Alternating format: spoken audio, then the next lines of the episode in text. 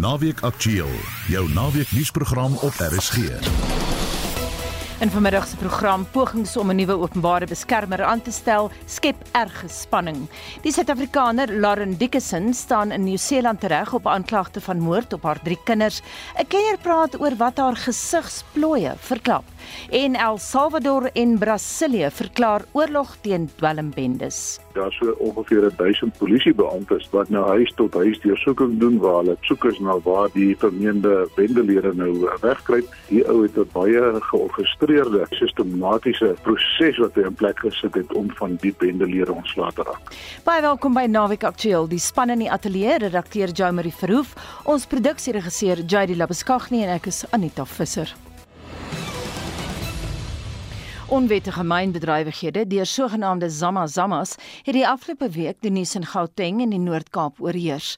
13 onwettige myners is dood toe 'n proefmyn tussen Kleinsee en Port Nolloth in die Noord-Kaap ineengestort het. Meeste van die oorledenes was buitelanders. In Rivoli en suid van Johannesburg leef inwoners weer in vrees weens onwettige myners in die gebied. Die polisie het sedert Dinsdag in spesiale klopjagte 79 van die Zamazamas in Rivoli in hegtenis kennis geneem. Die organisasie die Benchmark Stichting het navorsing gedoen oor hierdie bedrywighede en veral gefokus op onwettige diamantmyne langs die Kaapse Weskus. Ons praat nou met die hoofnavorser David van Wyk. Goeiemôre. Uh, Goeiemôre Anita en uh, bly om op julle program te wees. Sê vir my wat is die grootste probleem in terme van hierdie miners? Hoekom doen hulle dit? Wel ek dink die werkloosheid in die land, armoede in die land uh en ook natuurlik die uh migrante arbeidsstelsel wat die afgelope 130 jaar in die land bestaan het wat mense uit Lesotho en uh Zimbabwe, Mosambiek en ander lande uit in die Oos-Kaap uitgewerf het om op die myne te kom werk. Um en basies is die mynbedryf is nie volhoubaar nie uh, want uh, die minerale is besig om klaar te raak veral goud op die goudrif in in in Gauteng en so en ook in die Vrystaat. Maar ook die diamante uh, in die in die in die in die Wes-Kaap en in die Noord-Kaap waar al al langs die kus af van Alexander Bay af na Onderklip Bay en ondertoe um um is nie meer uh uh lewensvatbaar vir groot uh, skaalse mynbedrywe nie maar daar kan nog kleinskaalse uh bemyning plaasvind. Um maar ongelukkig het ons nie beplan om om af te skaal na middel en kleinskaalse mynbedrywighede nie en gevolglik is daar nie eintlik enige regulasies of wetgewing uh wat wat wat dit kan reguleer en beheer nie. Is daar enigiets wat die Weskus anders maak as hier in Gauteng? Maar ek dink dat uh, die diamantmynbedryf is 'n bietjie anders as as die as die goudmynbedryf. Um in Johannesburg is daar so wat 26000 uh, sogenaamde zamazamas. Hulle het seker so 2 of 300000 mense wat van hulle af, af afhanklik is. Um hulle is natuurlik almal uh, ou Basotho mynwerkers en so in die in die Wes-Kaap sou jy seker meer mense uit die Oos-Kaap uitkry wat wat wat daar kom uh, diamantmyne bedryf en so aan. Ons het ons het navorsing gedoen na Alexander Bay en en en en Kleinsee en so aan 3 4 jaar terug.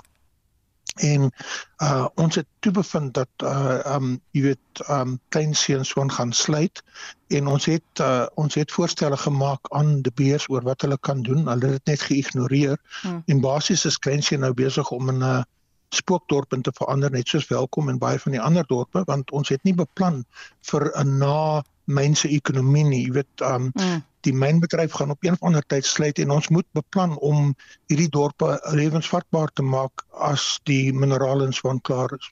Net kortliks wat is jou reaksie op die verslag oor die Breestraat ontploffing Wel die die Breestraat ontploffing was nie uh, uh verwant aan die mynbedryf nie want die die die die myntonnels en so is almal aan die suidelike kant van die M2 Oos M2 Wes en van Main Reef Road jy weet so uh, al jou al jou myne het, het het op 'n 45 grade gradiënt afgegaan uh na die suide toe, nie na die middestad toe nie. Die middestad sou nie daar gewees het as daar goud was nie. Hmm. Dit is basies 'n uh, granietkoepel uh waarop die middestad gebou is. Um dan dit het te doen met die ou gasbedryf in in Johannesburg wat al van die 19de eeu af bestaan en soos ons uh energie um uh, voorsiening verander het van gas af na elektrisiteit en swaan het baie van daai gaspype en swaan is dit nie ordentlik onderhou nie en en gevolglik um uh, gevolglik uh het jy hierdie ongeluk wat jy nou gekry het uh, onlangs. Ek dink jou hond stem saam met jou David. Net laas. Ja, ja. jy jy het nou navorsing gedoen oor die hele probleem uh van Zama Zamas en so aan. Wat dink hm, jy is hm. die oplossing? Wat sou jy vir die regering aanbeveel? Wel ek dink ons ons moet beter beplan. Ons moes al 20 jaar terug begin beplan het oor wat gaan ons met myndorpe doen en wat gaan ons met verlate myne in Swan doen. Uh, ons moet ook die groot maatskappye en so waar daai myne verlaat het vervolg dat ons uh, uh, hulle kan forceer om om om om om die sluiting van die myne te bedryf soos dit moet bedryf word volgens die wetgewing. En ons moet ook uh die die fonds wat daar is, daar is 'n 50 miljard rand fonds vir die sluiting van myne wat eintlik nie gebruik word nie. En hierdie um hierdie betonkoepel deksels wat hulle op die oomblik opsit, uh, help glad nie. Dit is nie dit is nie dit is nie uh, hoe 'n mens 'n myn sluit nie. 'n Myn moet ordentlik gesluit word en die myne kan hergebruik word. Dit kan vers, vir verskillende uh uh goed gebruik word. Daar's hospitale, daar is uh sportgeriewe, daar is uh, opleidingsgeriewe en so aan by myne. Daar's selfs behuising, maar dit jy weet as jy na enige ou myndorp toe gaan dan lyk dit asof dit in die middel van die oorlog in Oekraïne is. Jy weet alles is is uh val in mekaar en en 'n soort in een. Niemand niemand sien om na hierdie infrastruktuur nie en dit is baie belangrik in infrastruktuur. Ons kan dit selfs vir elektrisiteitsvoorsiening gebruik uh want daar is substasies op elke myn uh elektrisiteit kan terugvoer in die in die in die in die in die nasionale grid in. Baie dankie David vir jou en jou hond se insette met hierdie onderhoud. Dit dan die hoofnavorser van die Benchmark Stichting, David van Wyk. Die werksaamhede van die kantoor van die openbare beskermer maak al geruime tyd opslaa. Dit te minne te midde van 'n parlementêre proses om 'n nuwe openbare beskermer aan te stel. Die amptetermyn van die openbare beskermer is 7 jaar en die pos sal in Oktober vakant wees. Dit veroorsaak erg egter erge tussen openbare verteenwoordigers en politici. Zelin Merrington het meer. Sommige van die hoogste profiel ondersoeke deur die openbare beskermer se kantoor het al in die parlement gedraai. Some people who could not pronounce kanja, they've now learned kanja, kanja, kanja.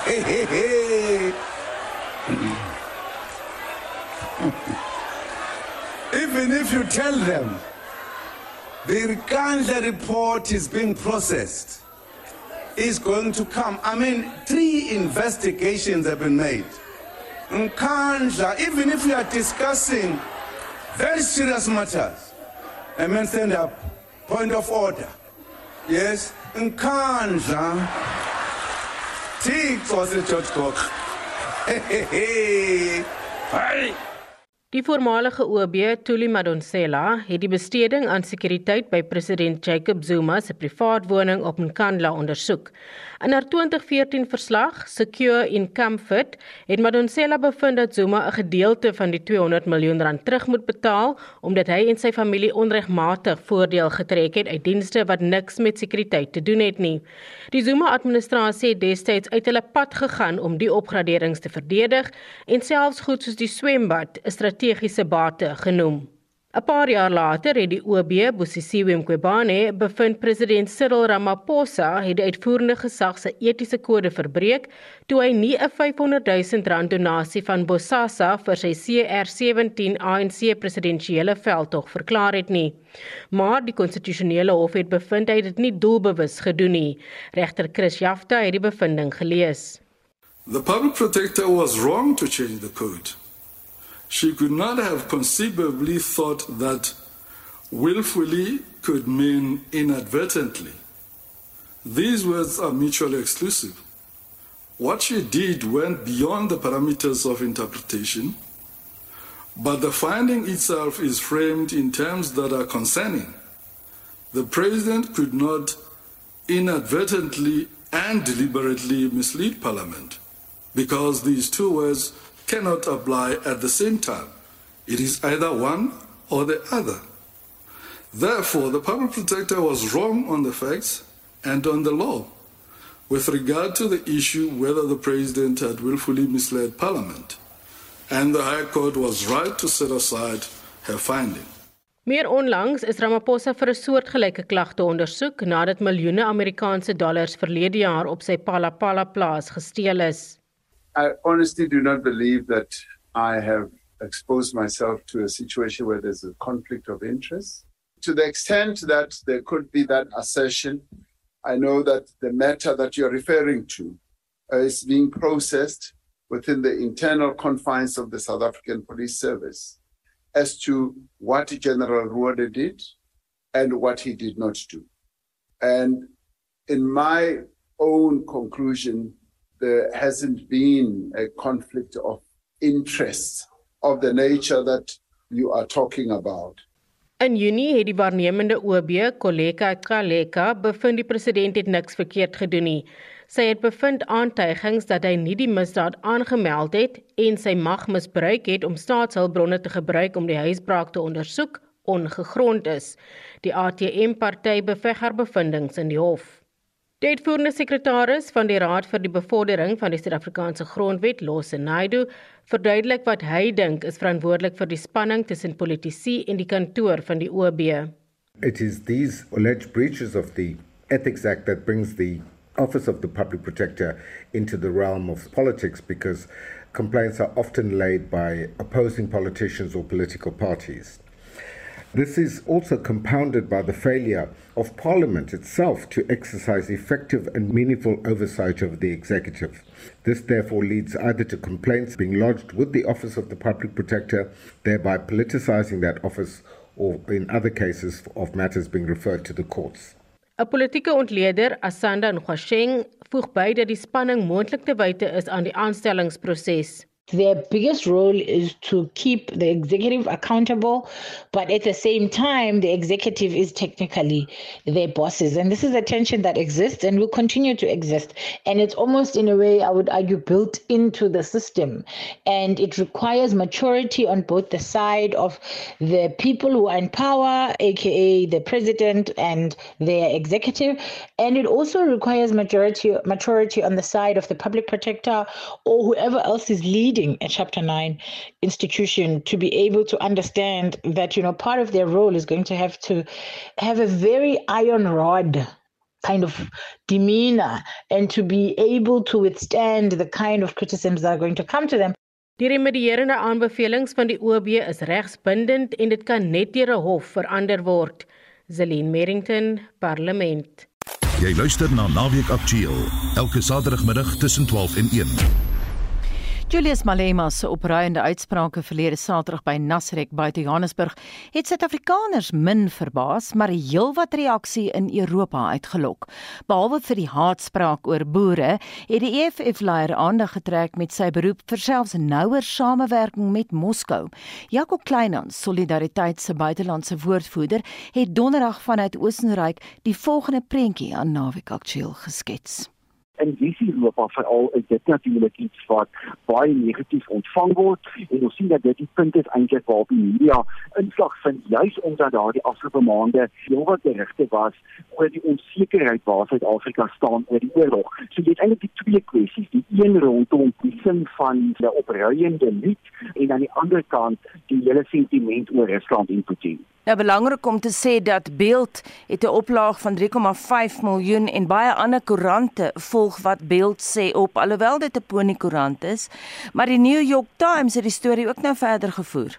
Ja, heeltemal reg. Daar's vandag in die nuutste uitgawe van die New York Times ook 'n artikel hieroor. Ons sien dit sien dat die baie omvattend hieroor berig het in die Telegraaf in Nederland wat die grootste koerant is, was daar ook 'n berig hieroor gewees. Natuurlik is hierdie soort van media aandag sleg vir Suid-Afrika. Dit is sekerlik sleg vir Suid-Afrika se beeld, maar aan die ander kant is dit goed in dat dit wel bevestig dat die buiteland bekommerd is, dat die buiteland wel ingestel is op Suid-Afrika en dat Suid-Afrika belangrik is, dat Suid-Afrika van groot belang is en dit is hoekom die soort van uitsprake wat politieke leiers in Suid-Afrika maak steeds ernstig opgeneem word en in ander tot die BRICS-raad dink ek dat politieke leiers in Suid-Afrika moet kennis neem van die omvattende beriggewing oor hierdie kwessies die afgelope paar dae in die internasionale media.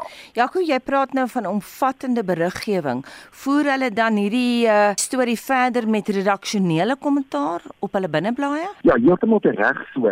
Veral in gehalte, hier gehalte media het die afgelope tyd uh, verskeie meer redaksionele kommentaare gepubliseer oor Suid-Afrika se posisie byvoorbeeld oor die oorlog, ook oor die stand van demokrasie in Suid-Afrika en ander tot volgende jaar se verkiesing. En hier verwys ek nou na gehalte publikasies soos die Wall Street Journal en ander koerante wat werklik waar ek meer in die diepte van kwessies ingaan. Die Volkskrant in Nederland het presies dieselfde onlangs gedoen. So ja, Suid-Afrika word tog dopgehou en natuurlik die beraad, die Afrika Rusland beraad wat ook onlangs plaasgevind het, het selfs meer klein daarop geplaas. So, ons eintlik die hele reeks van gebeure gehad en in 'n sin was die byeenkoms van die EFF verlede naweek eintlik maar 'n katalisator, iets wat die aandag getrek het weer eens na die politieke gesprek in Suid-Afrika, amper 'n bietjie die meting van die politieke temperatuur in Suid-Afrika en ek dink mense kan verwag dat die internasionale media oor die volgende dae en weke toenemend op Suid-Afrika gaan fokus. Watter invloed het hierdie beriggewing op Jan en San Alleman? Kyk, dit het natuurlik 'n uh, invloed op Suid-Afrika verdeel. As jy vat dat die grootste koerant in Duitsland eintlik baie negatief skryf oor dit wat Julius Malema Saterdag gesing en sê, kan mense sê wel dit is goed. Dit is eintlik 'n teregwysing en ek dink daar's ook 'n geleentheid vir Suid-Afrikaners om te sê dat nou nie almal sien hierdie saam nie.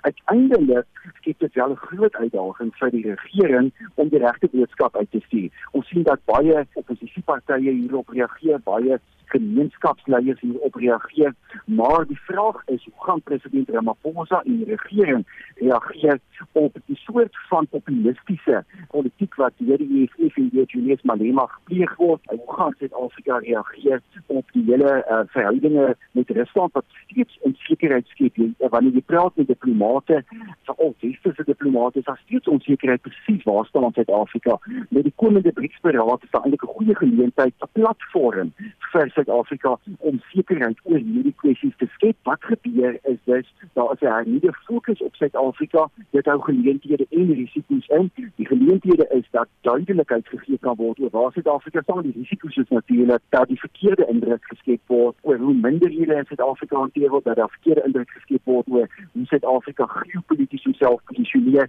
en ja, dit sal sekerlik oor die volgende paar weke meer duidelikheid speel. En so sê Jaco Kleinhans van Solidariteit wat vanuit Wene met my gepraat het. Nou na die gesprek met Kleinhans het naweek aktueel die joernalis Wiert Doek van die Telegraaf in Amsterdam gekontak. Doek was onder meer vir 10 jaar lank buitelandse korrespondent in Moskou en het 'n besondere belang by Russiese aangeleenthede. Hy het die Nederlanders se reaksie op Julius Malema se uitlatings oor sy vriend Vladimir Putin so aan ons verwoord.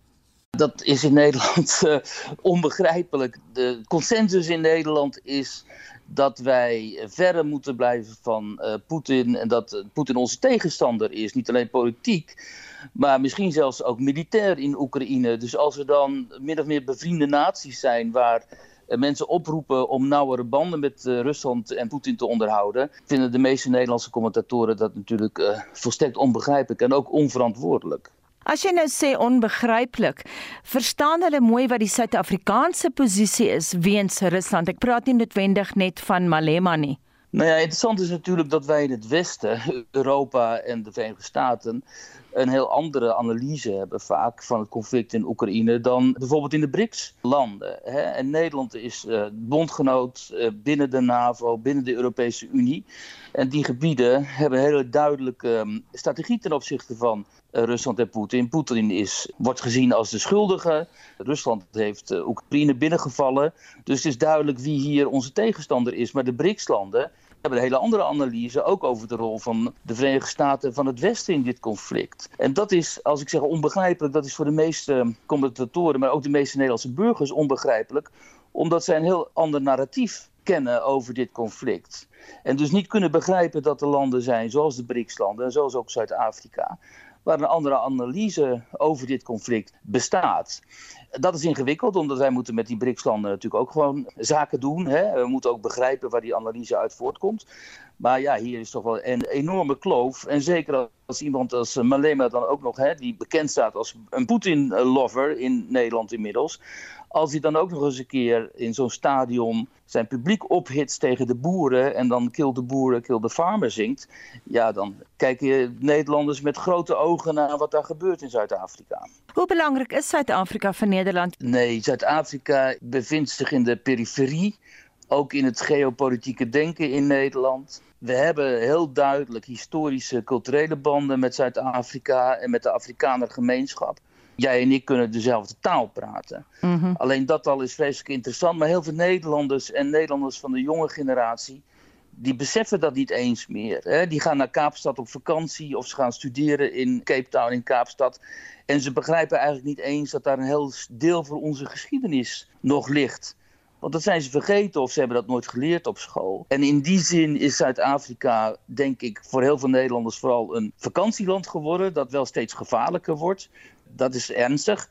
Maar ze begrijpen niet meer wat de betekenis eigenlijk van Zuid-Afrika en de Afrikaner gemeenschap uh, ook in de Nederlandse geschiedenis is. En dat vind ik persoonlijk heel erg jammer.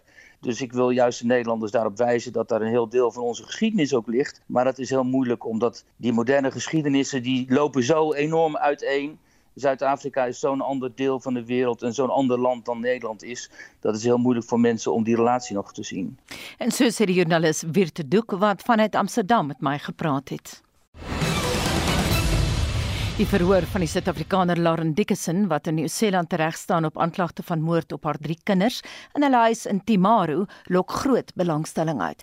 Sy voer in die Hooggeregshof in Christchurch aan dat sy ten tye van die verwurging van haar kinders nie toerekeningsvatbaar was nie.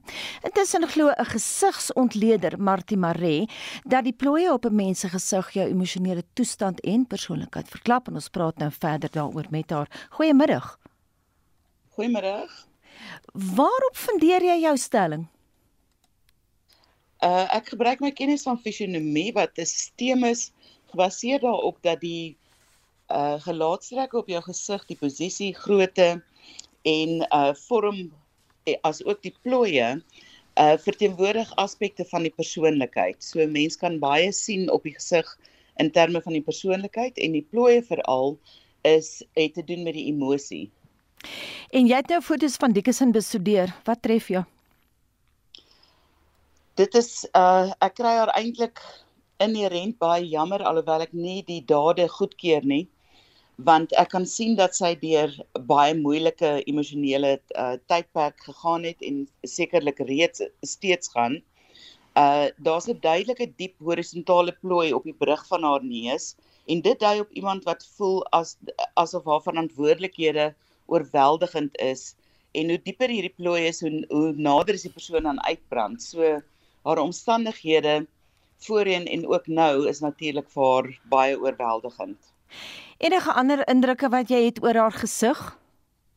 Ja, ek sien ook dat daar twee vertikale plooitjies is wat aan haar wenkbroue raak en dit beteken dat iemand frustrasie ervaar, maar dit liewer onderdruk om dalk die vrede te bewaar of net nie 'n uh, uitbarsting te hê nie maar dit is nie goed vir jou gesondheid nie en jy moet uh, as as jy uh, so plooi het dan dan behoort jy 'n manier te vind om die van die frustrasie eerder positief ontslae te raak soos byvoorbeeld oefening of kuns of wat ook al vir hulle ontspannend is want dit is 'n 'n baie gevaarlike uh plooi om te hê in terme van uh onderdrukte frustrasie is nooit goed om om dit in te hou nie want daar's een of ander tyd 'n uitbarsting. En jy beweer dat Dickinson se probleme spruit uit 'n behoefte aan erkenning. Hoe lees jy dit, Martie?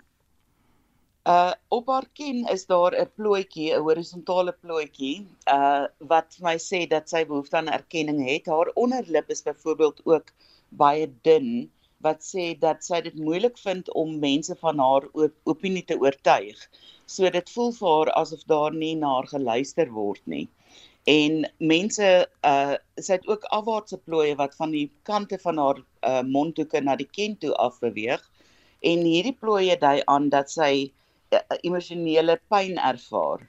Nou daar is daar 'n positiewe ligpuntjie hier uh mense ontwikkel empatie wanneer jy self deur emosionele pyn gegaan het uh vir ander mense, maar dit is weer eens uh nie lekker terwyl jy deur hierdie emosionele trauma of pyn gaan nie. Martie Dickinson sê nou sy was nie toerekeningsvatbaar nie, die sielkundige stem nie saam nie. Wat dink jy? Jy het na haar ore gekyk. Ek het onder andere na haar ore gekyk, haar linkeroor wat die die linkerkant van jou gesig verteenwoordig jou persoonlike uh kant van jou van jou persona en veral die linkeroor is redelik laag. So ek kan nie my uitlaat oor wat gebeur het nie en wat sy gedink het en hoe sy opgetree het nie, maar uh as jou ore laag teen die kop sit, beteken dit dat jy versigtige besluite neem. Jy sal eers al die inligting uh bymekaar maak wat nodig is vir hierdie besluit om te neem. So sy sou nie was dis onwaarskynlik dat sy 'n impulsiewe besluit sou neem om uh te doen wat sy gedoen het. Hoe vergelyk hierdie fotos met vroeëre fotos? Uh dit is nog steeds haar oor is eh, was steeds laag. Die fotos uh van haar wat beskikbaar is is natuurlik nou nie die die mees ideale fotos nie, maar jy kan die posisie van die ore wel sien en haar linkeroor is deurgaans op die uh ouer fotos van haar ook laag op 'n teen haar kop geposisioneer. So uh sy sou nie impulsiewe besluite sommer net geneem het nie. Dis anders as jy dors is neem met besluite of jy water of koeldrank wil hê, maar lewensbesluite en veral aan die linkerkant van die gesig wat die privaat persoon verteenwoordig is haar oor definitief laag. So haar besluite oor die algemeen sou uh meer versigtig gewees het. Net laasens, jy het ook gekyk na fotos van haar man Dr. Graham Dickinson. Wat het jy daar gesien? Uh ek het gesien dat sy oë redelik diep in die kaste is, so hy is meer van 'n introwert en uh veral op persoonlike vlak dink ek sou dit vir moeilik gewees het om oor gevoelens te praat. So hy het waarskynlik en dis net 'n bespiegeling, maar hy het waarskynlik nie heeltemal mooi geweet hoe om haar depressie te hanteer nie en wat hy kon doen om dit beter vir haar te maak nie. Uh ek het byvoorbeeld in die media gelees dat kort nadat sy vir hom gesê het dat sy is bang sy gaan haar kinders daar kwaad aandoen of en dat sy baie te, uh, te neergedruk is weer uh het hy op 'n jag ekspedisie gegaan. Ehm uh, so ek dink dit was vir hom ook moeilik geweest om te weet hoe om om hierdie depressie te hanteer want dit sy blykbaar al depressie ervaar van haar tienerjare af. En as jy nou haar storie lees, dan sal jy ook sien dat sy het ongelooflik baie uh terugslag. Byvoorbeeld om soos om swanger te raak, sy moes hy baie keer ehm um, baie uh wat mense dit fertiliteits uh mm. behandeling kry en sy het ook 'n kind verloor voordat haar oudste kind kindjie gebore was. Baie dankie en so sê die gesigsontleder Martie Maree. Dis tyd vir sportnuus. Hier is Jody Hendriks. Goeiemiddag. Ek begin die verslag met nuus vanaf die Netbal Wêreldbeker in Kaapstad. Fiji het die toernooi in die 11de plek geëindig nadat hulle vanoggend gemaklik 71-37 met Trinidad en Tobago afgereken het om 4:00 vanmiddag van Jamaica en Australië sake uitspook vir 'n plek in môre se eindstryd. Die Proteas en Uganda pak ook mekaar môreoggend om 11:00 en die wenner van die wedstryd sal dan die toernooi in die 5de plek eindig. Sokkernuus by die FIFA Sokker Vroue Wêreldbeker het Spanje vanoggend die eerste span geword om na die kwartfinale te vorder toe hulle in die eensydige wedstryd 5-1 met Switserland afgereken het. Ook môreoggend om 4:00 is dit Banyana Banyana se geskiedkundige wedstryd in die laaste 16 van die toernooi wanneer hulle teen Nederland te staan kom. Nou nuus uit die Banyana kamp is dat die sterspeler Rafil Wijani moontlik gaan fiks wees vir die wedstryd nadat sy vroeër in die toernooi 'n besering opgedoen het. Rugbynuus Nieu-Seeland en Australië het mekaar vanoggend in 'n wêreldbeker opwarmingswedstryd gepak en uh, dit was Australië wat met 'n goeie vertoning vorendag gekom het, maar uh, Nieu-Seeland se loskakel Richie Mo'unga het 'n strafdoel in die laaste minuut van die kragmeting oorgesit om vir sy span 'n sege van 23-20 te gee. Vanaand om 10:09 speel die Springbokke ook in 'n wêreldbeker opwarmingswedstryd teen Argentinië. Nou Bongio Menambi gaan die Springbokke aanvoer en sodoende word hy ook dan bokkaptein nommer 64. Nou die Pumas sal die wedstryd sonder deel agter Juan Cruz Manila moet klaarkom. Hy's vir twee wedstryde geskort vir sy roekelose aksie verlede week toe hy die skramskakel Grant Williams in die 11de minuut van die kragmeting op Ellis Park laat geloop het en uh, die skorsing dui ook daarop dat die skeieregters moontlik gefouteer het deur hom nie 'n rooi kaart in uh, die wedstryd te gee nie. Dan begin ons ook die week met 'n rugby wêreldbeker voorskou en vandag kyk ons terug na die Springbokke se groepfase by die 1995 wêreldbeker toernooi. Suid-Afrika was toe gasheer en het in die openingswedstryd teen die verdedigende wêreldkampioen Australië op Nieuweland in Kaapstad gespeel. Pieter Hendriks het 'n pragtige wedstryd gaan druk om die Bokke 'n sege van 27-18 te gee die span het toe teen Roemenië te staan gekom waar hulle moes hard werk vir 'n sege van 21-8 met die kaptein van die dag Adrian Rigter wat 2-3 gaan druk het. Die Springbokke se derde wedstryd eh, van die toernooi was teen Kanada op die Boet Erasmus Stadion in Quebec en die Bokke het 20-0 eh, as wenners van die veld gestap, maar geveg het 'n demper op die wedstryd geplaas met verskeie spelers wat na die kragmeting geskort is. Die Bokke eindig toe eerste in groep A met Australië tweede en volgende week kyk ons nou hoe die Bokke in die uitspelrondes van die 1995 Wêreldbeker gevaar het. Jody Hendriks vir RSG Sport. In sy weeklikse motorrubriek toets Wesel Pretoria se 'n blits vinnige sweet.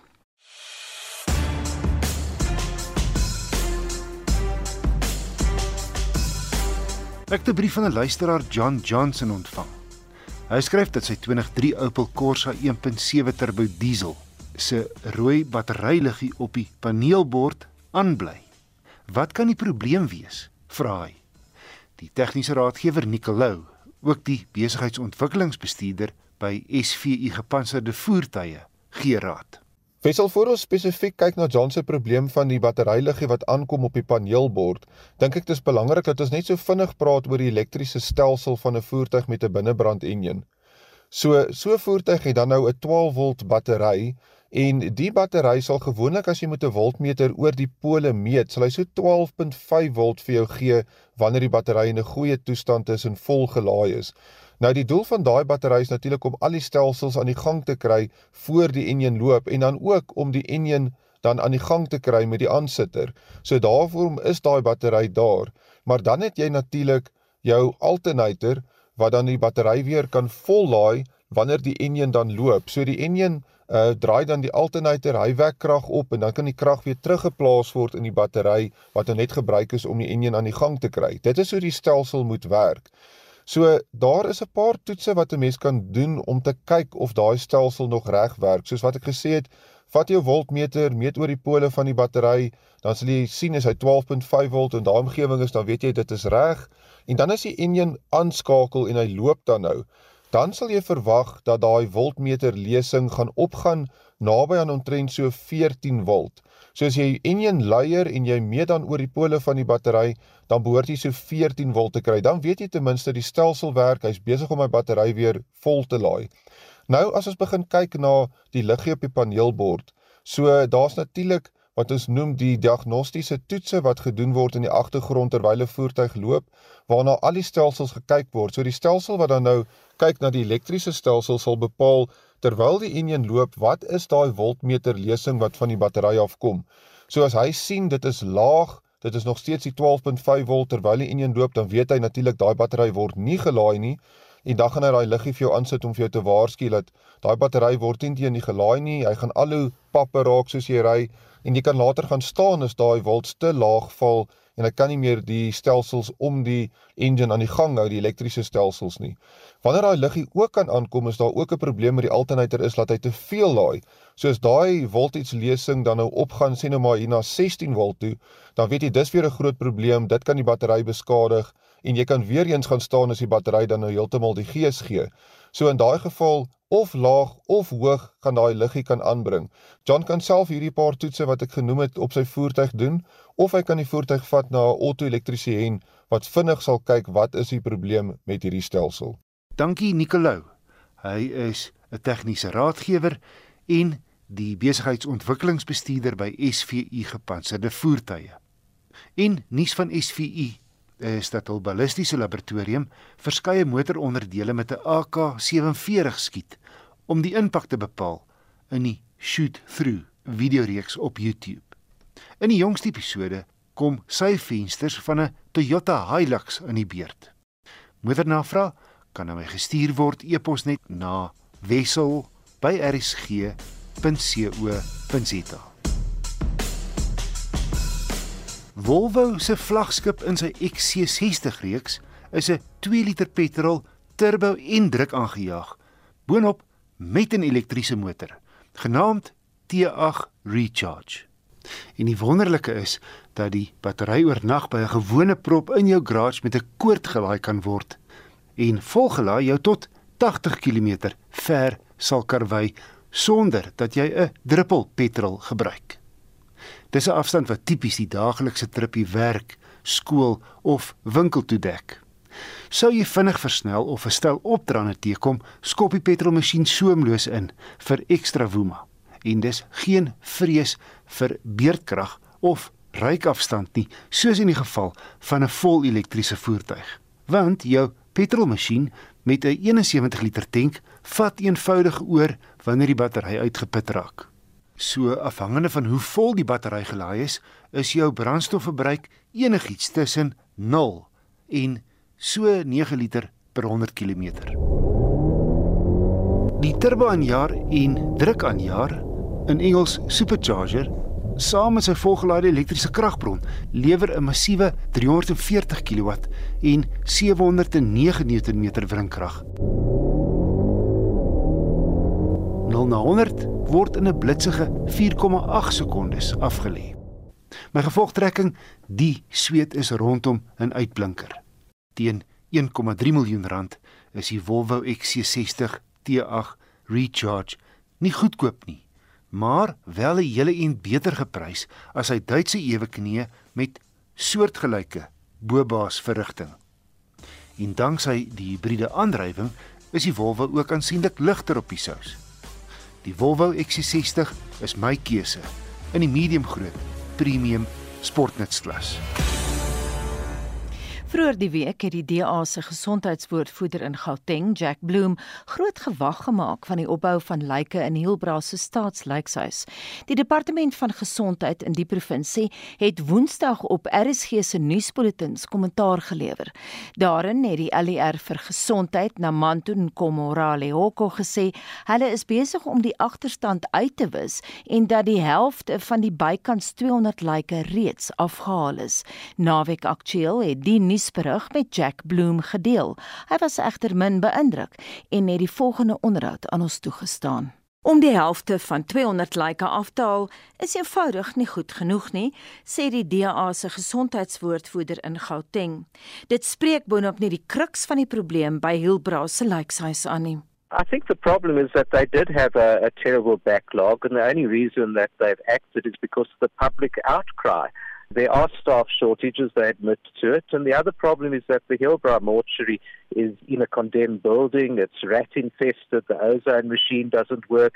So it's smelly. No wonder private pathologists don't want to work there. So I think there's deeper underlying problems. There's also the fact that the new uh, mortuary near the Helen Joseph Hospital was meant to be completed three years ago. I was told last year that it would be completed in January this year, and now it appears might only be open towards the end of the year. Trouwens, slegs 71% van die lijkhuis by Johannesburg se Helen Joseph Hospitaal is voltooi en ten spyte van 'n begroting van 588 miljoen rand, weier kontrakteurs om verder te bou want hulle is nog nie betaal nie, sê Bloem in 'n mediaverklaring. Dit maak baie Johannesburgers aangewese op die Hillbrow lijkhuis wat nou nie juis 'n trekpleister is vir die Goudstad se privaat patologie. Intussen betaal die belastingbetalende publiek, soos al te dikwels, die prys vir grootskaalse onbevoegdheid. families uh, are not able to get the bodies in time. When they view the bodies, it's terrible conditions, terrible smell, and staff don't want to work there. That's why they've been short staffed, and that's why we've had those backlogs. So I hope that the backlogs are cleared up in record time, but this should never have happened, and they should have built the new mortuary in time and moved there already. Op haar beurt probeer Gauteng se LER vir gesondheid, Nomantu Nkomo Raleoko, vure doodslaan deur allerlei openbare verklaringe. What she said publicly is that it's 98% complete, but there is a dispute with contractors. And my experience in this is that, uh, you know, they've got to equip it, they've got to arrange the move, and, uh, you know, hopefully it is towards the end of the year. Uh, I will certainly be pressing to get this mortuary open as soon as possible, but it just shows you incompetence all round. And no wonder nobody wants to work at a terrible mortuary like Kilbrow. I'm sure that they'd be fully staffed if they'd uh, built this mortuary in time as it was meant to be three years ago. En dit dan die DA se gesondheidswoordvoerder in Gauteng, Jack Bloem, met wie ek vroeër die week 'n onderhoud gevoer het. En nou buitelandse nuus. El Salvador en Brasilië het oorlog verklaar teen dwelmbendes. Dit is egter veral die rol van El Salvador se president Nayib Bukele wat die media se aandag in die deel van die wêreld trek. Willem Els van die Instituut vir Sekuriteitsstudies in Pretoria het gister die agtergrond van die totale aanslag teen dwelms aan naweek aktueel geskets.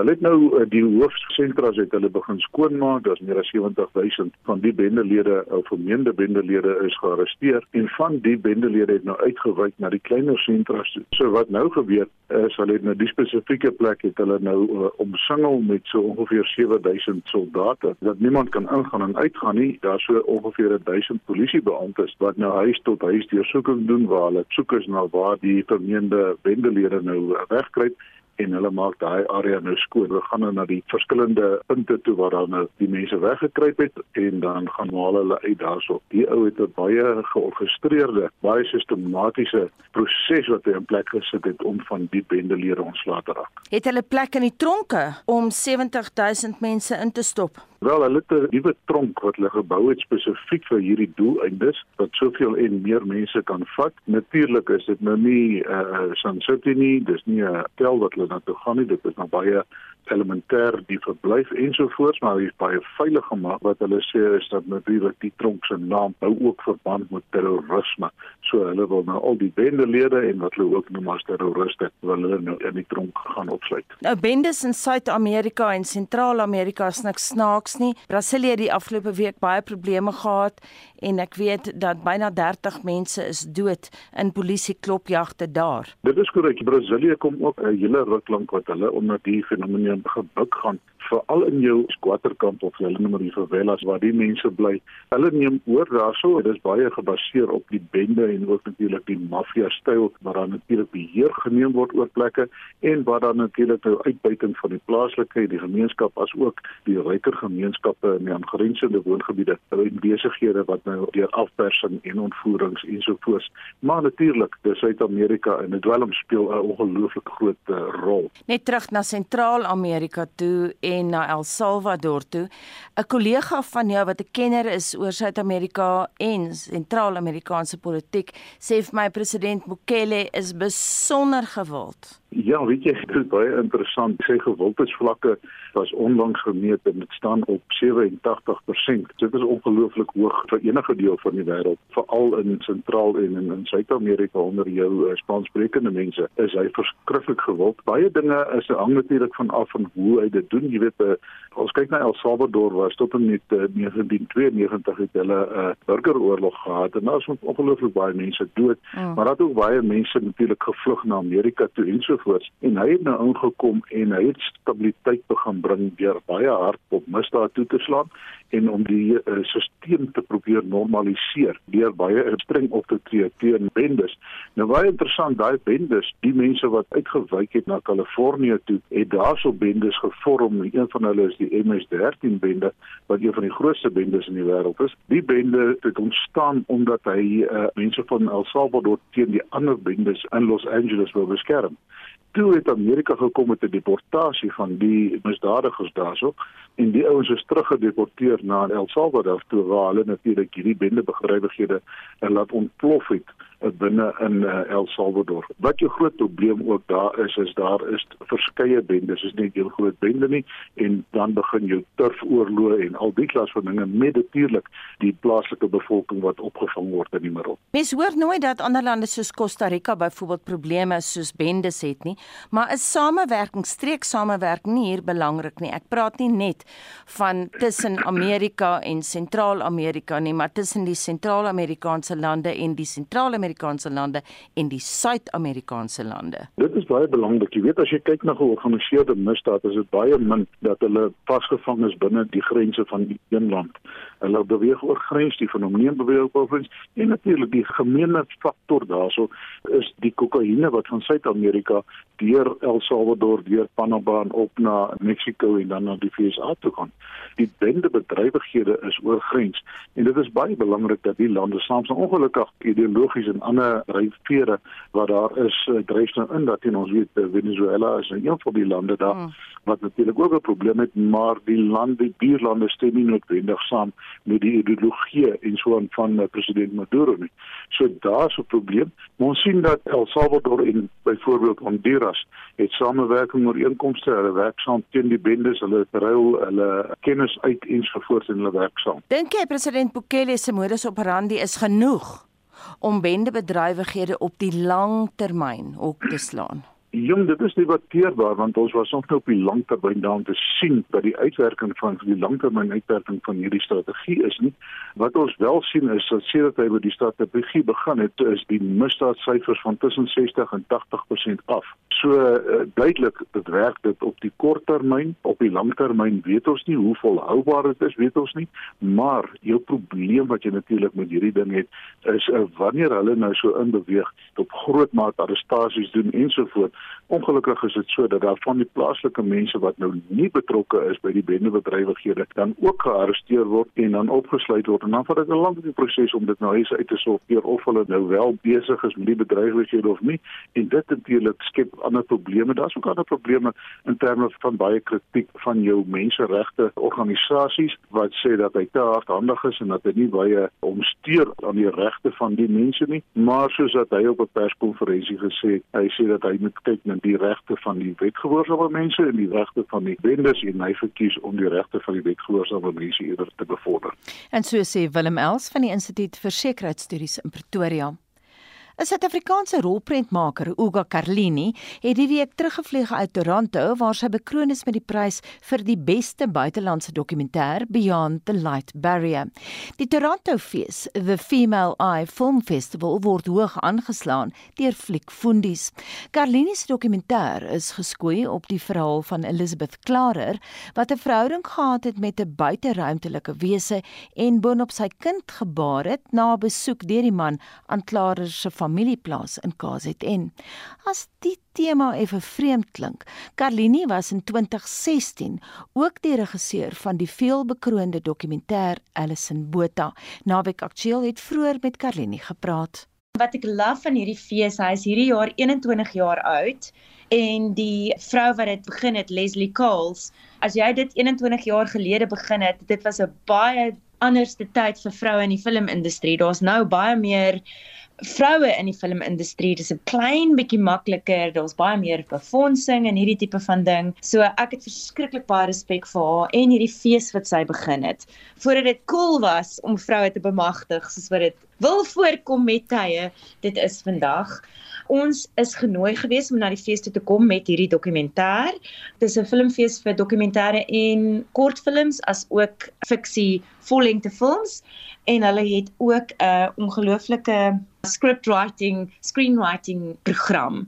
En ons het toe gewen vir beste foreign documentary wat fantasties is want die kompetisie is massief. I mean dit is een van die grootste female fokus feeste in die wêreld en ons was daar my kinematograaf Georgia Court was saam met my as ook Janet Kimmel wat nou in Kanada bly en Janet is my Kanadese verteenwoordiger vir Towerkop Creations. So die drie van ons was daar en dit was net ongelooflik. En toe wen ons. Jy.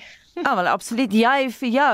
Sê vir my het hulle vir jou gesê hoekom hulle spesifiek besluit het om vir jou die prys te gee? Wat was dit omtrent daai dokumentêr wat besonder was vir hulle, vir die Kanadese?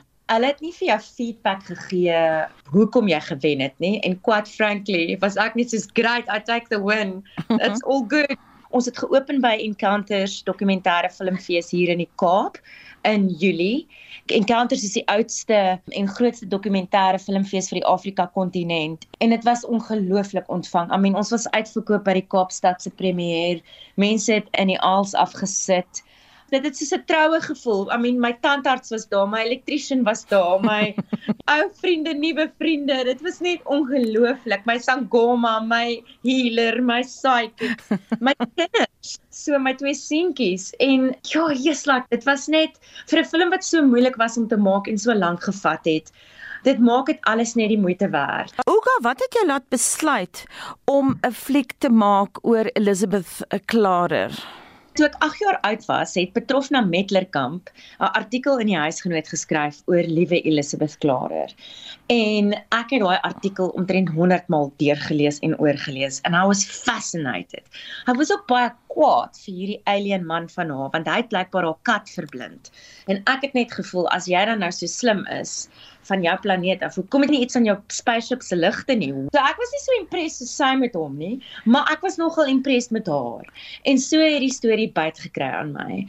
En toe ek my film company Towerkop Creations in 2010 gestig het, was dit die eerste projek waarmee ek begin het.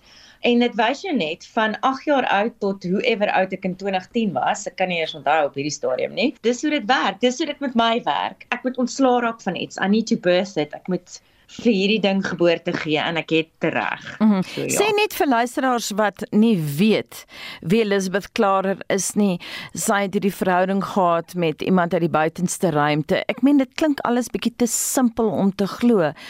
Glo jy haar? Het jy geval vir die storie? Wat het jy gedink daarvan? Om jou eerste deel van die vraag te antwoord, laat ek hulle gou 'n opsomming gee oor die storie. So Elizabeth Klarer was 'n bekende meteoroloog op haar dag gewees en sy het ongelooflike wetenskaplike inligting gehad in die 70s wat onmoontlik was vir 'n persoon om te weet volgens die wat geweet het. Hulle het haar toe in 1975 Wiesbaden toe gevlieg waar 22 van die wêreld se brightest minds haar gekoos het en so impressed was met wat sy gesê het dat hulle haar na die UN in die House of Lords in Engeland gevlieg het om daar ook haar voorleggings te doen. Die enigste probleem was toe hulle elke keer vir haar vra maar hoe weet jy wat jy weet en sy met absolute conviction vir hulle gesê het wel want my boyfriend van Meton Akon wat self 'n wetenskaplike is het my in sy spaceship gevat na sy planeet toe en my gaan wys. Um nou ja, en so begin ons storie. Om jou tweede vraag te beantwoord, glo ek haar of nie? Ek het as jy nou die film kyk wat in Oktober op Amazon sal wees, ek het leuns gekry, ek het waarheid gekry en sy is oorlede. So ek dink ek hoop nie ons is die enigste mense in hierdie hele massiewe plek wat nie net die aarde is nie, die ruimte alles is nie. Ek hoop regtig nie ons is die enigste mense nie. Maar ek hoop ook regtig nie Akon is een van hulle nie, want ek dink nie hy's so groot soos wat sy gedink het nie. Um ek besluit nog oor baie dinge. Ek dink hierdie projek sal my vir ewig laat wonder en dink en bespiegel. Eendag glo ek ander dag glo ek nie. Daar's baie goed wat ek nie glo nie en ons definitely groot um vraagtekens Ja, dit is 'n baie goeie vraag. How long is a piece of string? en so vra Ugo Carlini pas terug uit Toronto waar sy bekroon is as die beste buitelandse regisseur vir haar dokumentêr Beyond the Light Barrier. Nou daarmee groet die span namens ons uitvoerende regisseur Nicoline de Wee. Vandag se vrou in die warm stoel was Jo Marie Verhoef. Ons produksieregisseur Jody Labuskaghni en my naam is Anita Visser. Thank you